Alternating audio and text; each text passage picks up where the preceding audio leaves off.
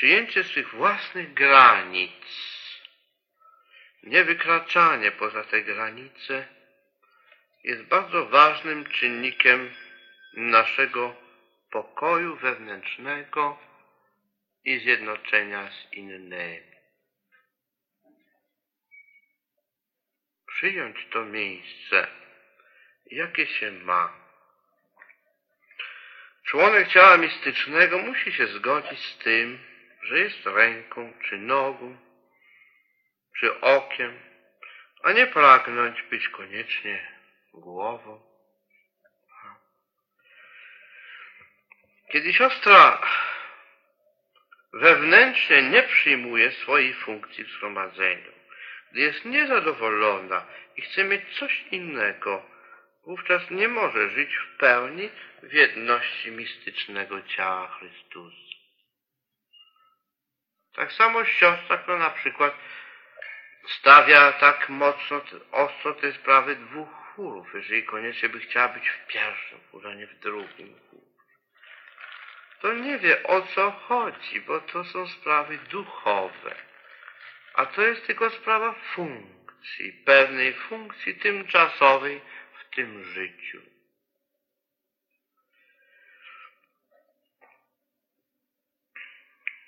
Święty Paweł mówi, że to, co jest naprawdę ważne,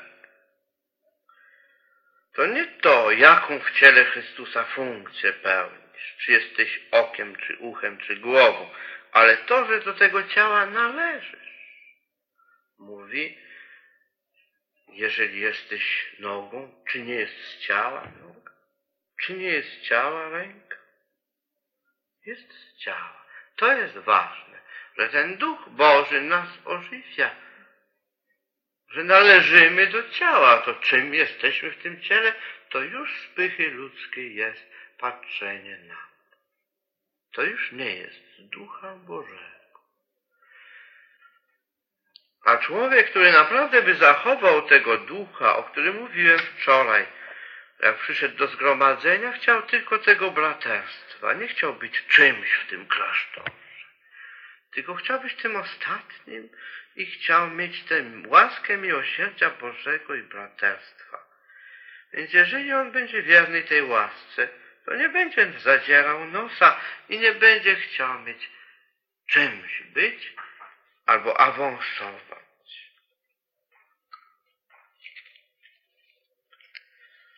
Bo jak wiemy, że z reguły świętego Benedykta, że zakony zostały ustanowione na to, żeby wprowadzić człowieka w ten akt upokorzenia Chrystusa, a więc prawdziwe powołanie zakonne jest dążeniem w dół, a nie w górę. W dół. Każdy chce być niższym. A nie każdy chce jakoś być czymś, czymś się zaznaczyć, zaawansować. To wszystko są świeckie rzeczy, które z duchem zakonnym nic wspólnego nie mają. Dlatego moje siostry w niektórych zakonach mówią o tych dwóch chórach ważnej rzeczy. Mój Boże, sprawa duchowa, jedność ducha, miłość, pokora, to jest ważne. Ja znam tyle zgromadzeń. Znam zgromadzenia o dwóch chórach, gdzie jest wielka jedność. Znam zgromadzenia o jednym chórze, gdzie nie ma żadnej jedności. To, to nie, to nie zewnętrzne sprawy rozwiązują. To duch.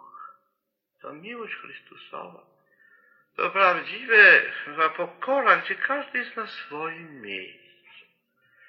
I tak jak w tej budowie Bożej, te cegiełki, każda musi wejść na swoje miejsce. A czy ty tam będziesz w wieży, czy ty będziesz w fasadzie, czy ty tam będziesz w tym fundamencie gdzieś, czy ty będziesz w bocznej ścianie, to nie gra żadnej roli. To nieważne. Bylebyś był na swoim miejscu. Przyjął granice, jakie ci opatrzność dała, a znajdziesz pokój duszy. A wtedy będziesz żył bezmiarem, bezmiarem Boga. i wtedy będziesz bez granic. Jak przyjmiesz swoje granice. A jak będziesz z nich wykraczał, tak jak rzeka z brzegów swoich wykracza, no to będziesz wtedy nieszczęśliwy, zbłąkany. Będziesz wciąż miał jakieś urojone pragnienia przez całe życie i aż do śmierci, a jak przyjdzie śmierć, to przekonasz się, że tylko nicością żyłeś i za nicością się uganiałeś. I wtedy wszystko jak powietrze wyjdzie między palcami i zostanie znicze. Więc jak mówi Pismo Święte, że Pan Bóg i, i morzom swoje granice naznaczył, i lądom, i wszystkim żywiołom, i wszystkim stworzeniom, tak i każdemu człowiekowi miejsce swoje naznaczył. I każdy człowiek powinien to miejsce Boże, które mu zostało dane, przyjąć jako łaskę, niczym niezasłużoną i ucałować rękę Stwórcy i starać się być wiernym tej drodze, tej, temu powołaniu, tej linii, jaką nakreślił mu Duch Święty. A nie wyglądać na prawo, na lewo, nie mieć jakichś życiowych pretensji, bo duch kariery to jest duch świata. A nasz duch to jest duch miłości, jedności, pokory i szukania tylko samego Boga. A żadnych ludzkich wartości. Za jedynie ważne uważa apostoł w tym liście do Koryntian należenie do ciała. Tak więc i zakonnica powinna za swoją radość i za swoją chlubę uważać należenie do zgromadzenia, a nie funkcję, jaką ma, jaką w nim spełnia. Ale jeśli masz funkcję jakąś w zgromadzeniu, wtedy musisz wiedzieć, że dobre jej spełnianie nie tylko przyczynia się do dobrego funkcjonowania całego organizmu, ale ma skutek głębszy. Przez wierne pełnienie tych obowiązków ty sama coraz głębiej wrastasz w ciało Chrystusa, coraz bardziej jesteś w Nim. Będąc tym, czym w ciele mistycznym masz być, coraz pełniej do Niego należysz i w nie się niejako wcielasz. Bo jeśli jesteś ręką, to tym bardziej należysz do ciała, im doskonalej ręką jesteś. Ale chluba twoja nie jest to, że jesteś takim czy innym członkiem, mającym takie czy inne uzdolnienia, ale to, że należysz do tej całości żywego ciała mistycznego Chrystusa, że masz taką głowę i masz takie członki, takich braci i takie siostry, to jest chluba Twoja.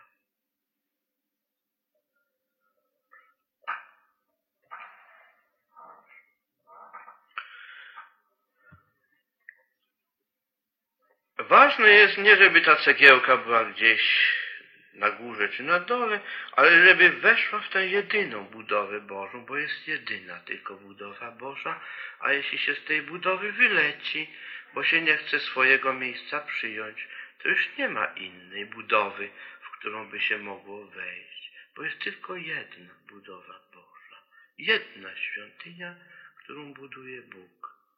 Kto wyleci z niej, ten już w żadną inną budowę nie wejdzie już się nadawać nie będzie do tej konstrukcji, którą Bóg na tej ziemi buduje. I trzeba więc tak wejść w mur, żeby być na swoim miejscu, żeby nie wystawać, bo my byśmy chcieli tak być w fasadzie i tak troszeczkę jeszcze wystawać, prawda? Z tego muru. A to tak jak ten murarz wygładza, prawda? On ma taki, taki młotek i on tak obtłukuje. Jak coś tam wystaje, to obtłukuje. Jak głowa będzie wystawać, to po tej głowie się dostanie i się obtłucze tę głowę. Prawda? I potem się wyrówna, żeby to wszystko, ten mur był gładki. Tak ta budowa Boża. A więc nie chciej zanadto wystawać i głowy wysuwać, bo po tej głowie dostaniesz od budowniczego.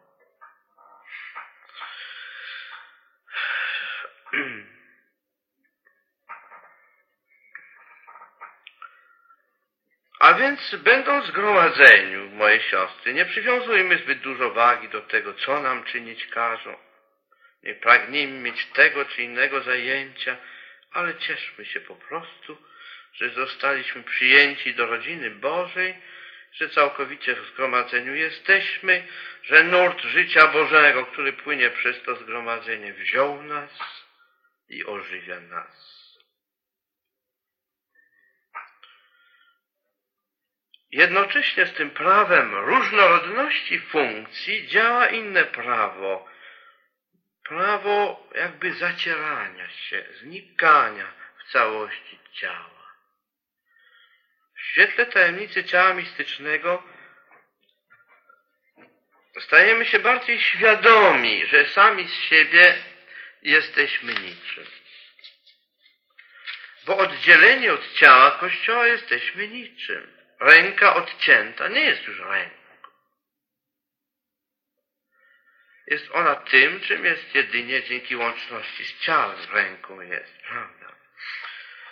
Ta świadomość, że jedynie w łączności z całością osiągamy osobisty rozwój wewnętrzny i cel naszego powołania sprawia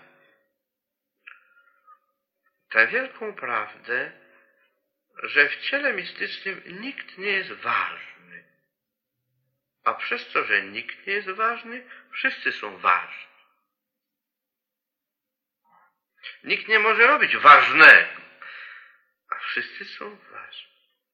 Przez to, że nikt nie jest ważny, jedynie ważnym jest Chrystus. I wtedy stajemy się zdolni poznać wielkość Chrystusa.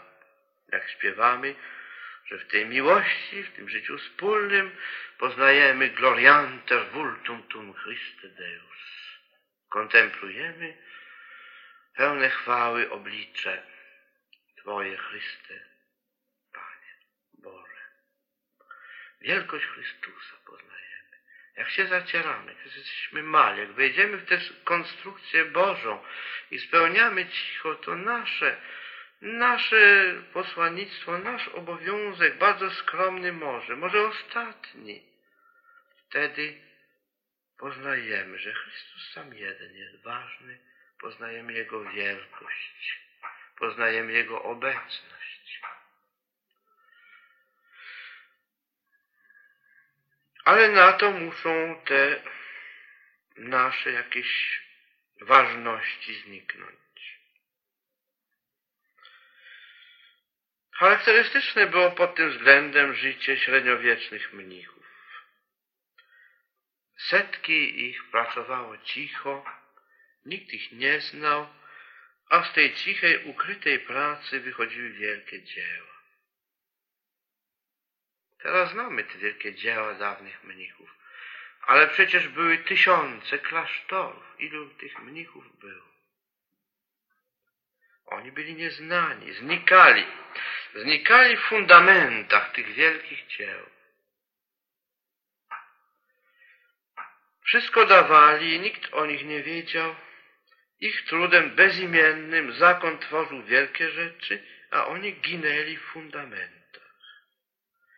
Od tego właśnie zagrzebania się w fundamentach, od tego niknięcia w jedności ciała mistycznego, się dokonuje przez pokorę poszczególnych członków zakonu, zależy wielkość i wartość promieniowania zakonu Jego dzieł.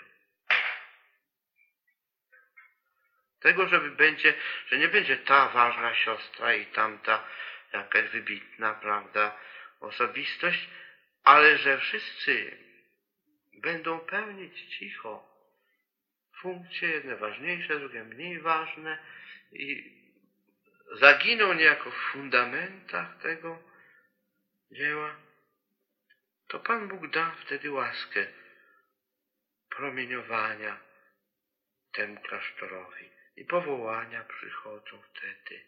I ludzie dokoła się nawracają. Jest Duch Boży.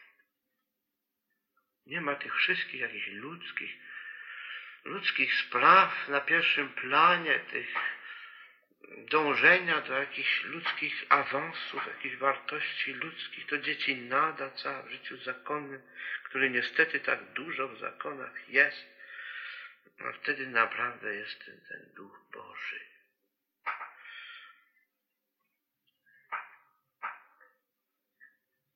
Stopień naszego życia duchowego zależny jest od naszego wcielenia.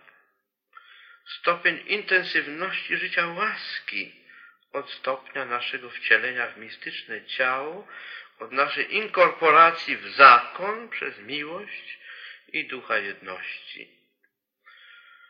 My wrastamy w Chrystusa przez zakon. Przez wrastanie w zgromadzenie zakonne, w miłość skonkretyzowaną w tym zgromadzeniu zakonnym, zapuszczamy korzenie w Kościół.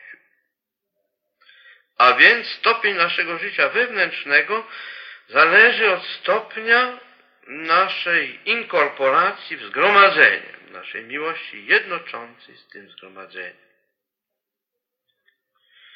Profesja nasza jest oddaniem się Bogu w tym zgromadzeniu. I przyjmujemy to zgromadzenie konkretne, takie, jakie ono jest. To jest bardzo ważne.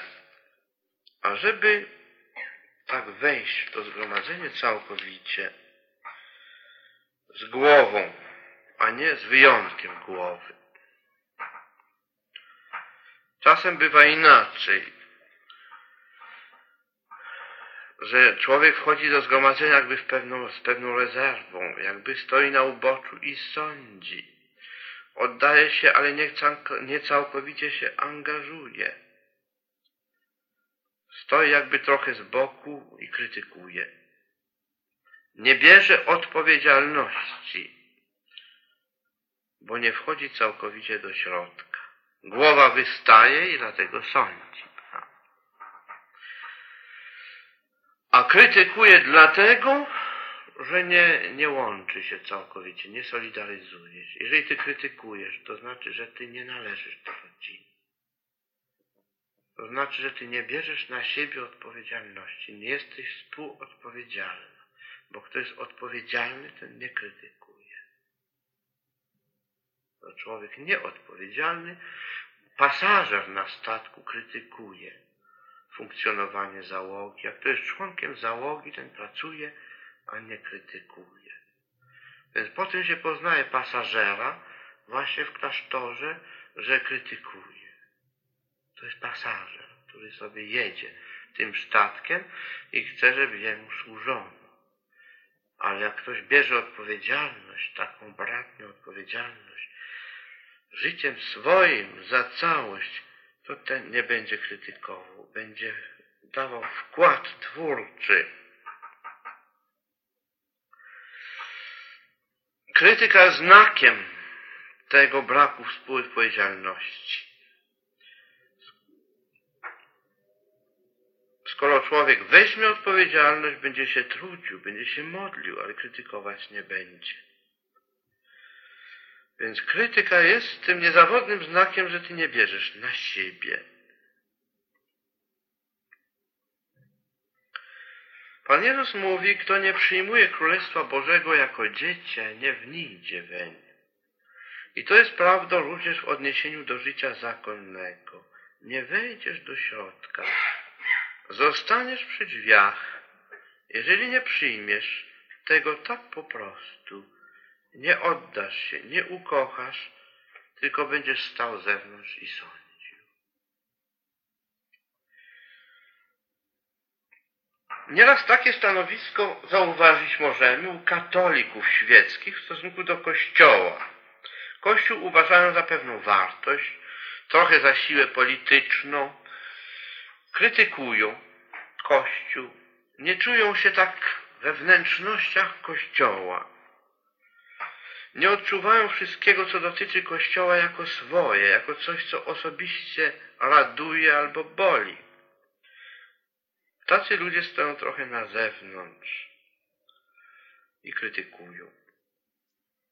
Ale nasze wejście do zgromadzenia to dar, który ofiarowujemy Bogu i tej cząstce Kościoła przez profesję. Dar naszej miłości, naszego poświęcenia.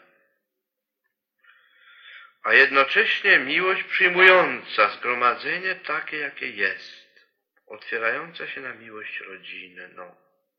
Wtedy człowiek wchodzi całkowicie, wchodzi z głową w ten sakrament łaski, którym jest zgromadzenie i zajmuje z prostotą swoje miejsce i nie ma żadnych innych pragnień. Niczego nie pożąda.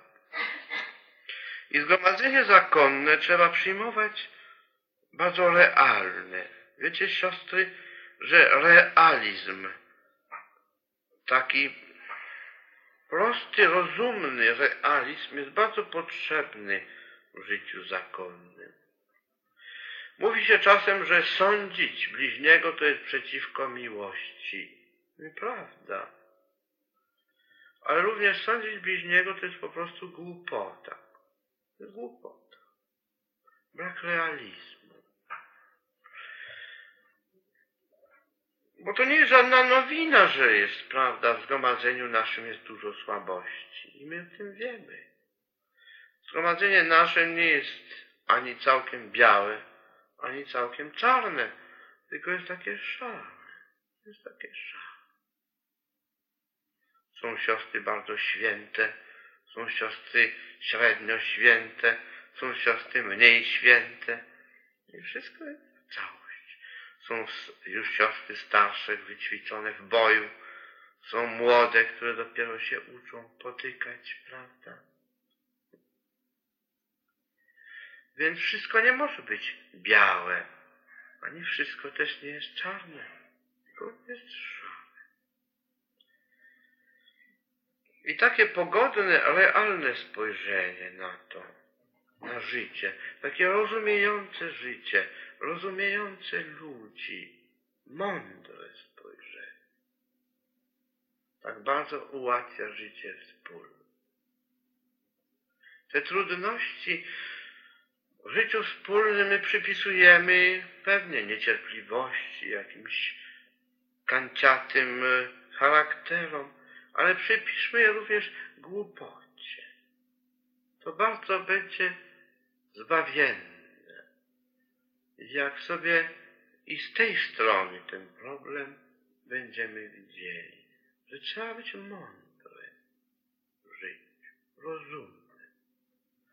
A wtedy bardzo wiele rzeczy, wiele problemów przestaje istnieć. Widzimy, które są rzeczy istotne, a które nieistotne.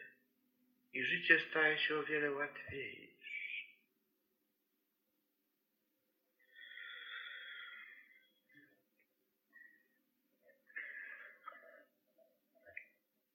Pamiętajmy o tym również, że w życiu naszym mamy, mamy wielkie zadanie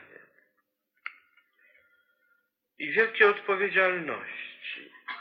Nie idzie się do klasztoru na to, żeby uniknąć odpowiedzialności. Mamy odpowiedzialność za tych ludzi, z którymi żyjemy. Mamy odpowiedzialność i za wielu innych, których nawet nie widzimy, a jednak za nich jesteśmy odpowiedzialni. Kiedy odchodzi od nas ktoś przez śmierć, to wtedy może dopiero zdajemy sobie sprawę, że koło nas żył człowiek. Żył tyle lat. I wtedy może sobie myślimy, a co ja mu dobrego zrobiłem? Żył obok mnie dziesięć, piętnaście lat, może dwadzieścia lat. Czy ja pomyślałem kiedy, ile ja mu mogę dobrego zrobić, a teraz odszedł. Wtedy widzimy, jak, jak my mało myślimy, jak my mało zdajemy sobie sprawę z, z tego, co my możemy i co powinniśmy czynić.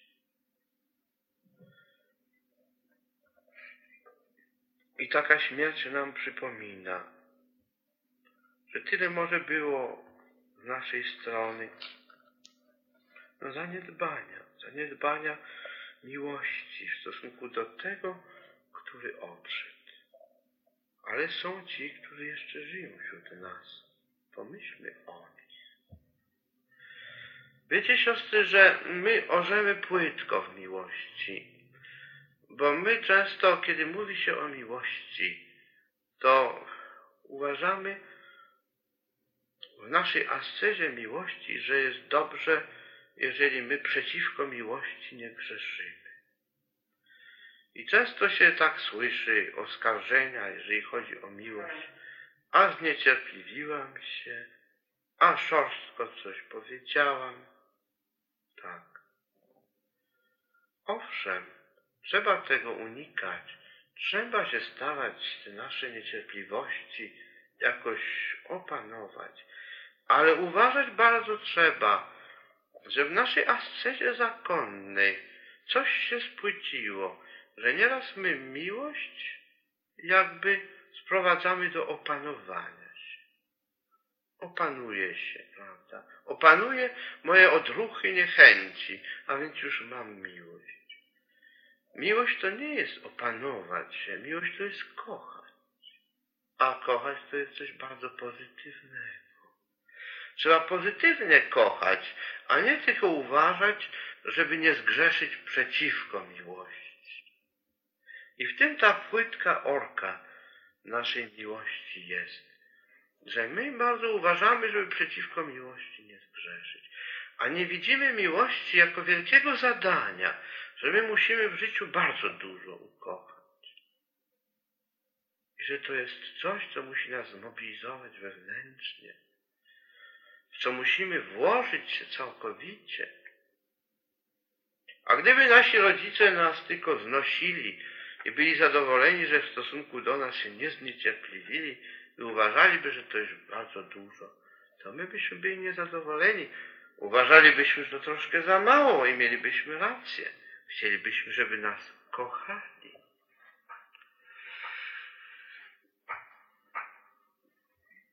Jeżeli człowiek potrafi kochać, to ta miłość nadprzyrodzona, jaką udział w miłości Boga samego, przemienia ludzi dookoła Niego. Ludzie się stają lepsi, bo miłość Boża jest twórczą dobra. To jest potęga.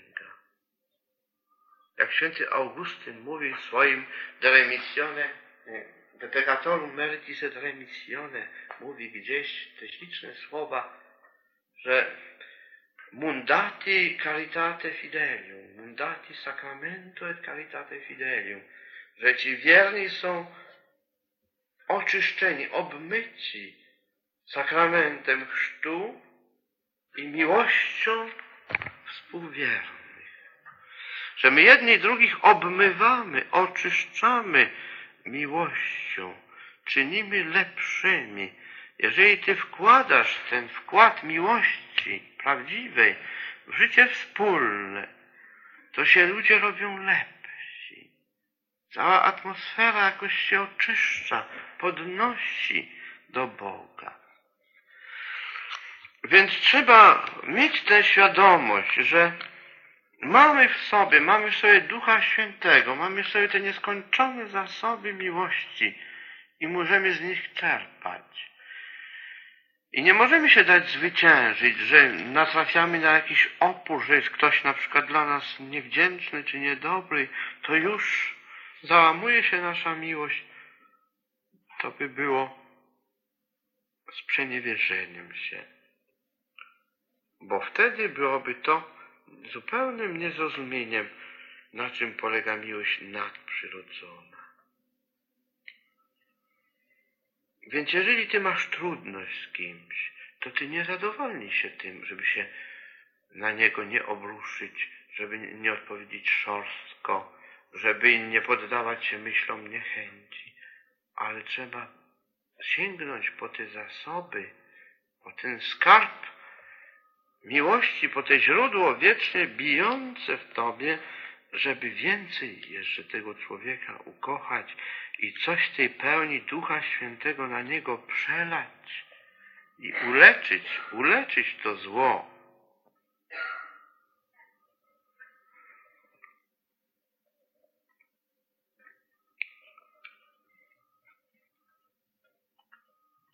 Bo miłość zmienia ludzi. W życiu świętego Jana Bosko była taka scena, że przyszedł taki chłopak do zakrystii i ten chłopak ukradł coś i był uważany już za złodzieja, był skompromitowany, załamany. Już uważał, że, no widział, że jest człowiekiem bezwartościowym. I święty Jan Bosko tak do niego podchodzi, ty nie jesteś złodziejem, no ty ukradłeś, to prawda. Ale wielka różnica. Wielka różnica. Od razu zrywa tę etykietę z człowieka, prawda? Ty możesz, ty możesz zacząć na nowo. Ty musisz uwierzyć w twoją własną godność człowieka i chrześcijanina. I ten człowiek jest zdziwiony, że ktoś uwierzył w niego. Że ktoś uwierzył w jego wartość, kiedy on sam już stracił tę wiarę. Więc miłość odradza ludzi, odnajduje w nich dobro, którego oni sami już nie widzą i to dobro rozwija. To jest cnota niezmiernie aktywna i pozytywna. Więc trzeba, żebyście uważały, siostry, miłość za jakieś zadanie wasze w życiu i nie szukały, tak jak mówiliśmy wczoraj, tego serca, tej miłości dla was. Bo to, bo to jest po prostu miękkość. To jest naturalizm.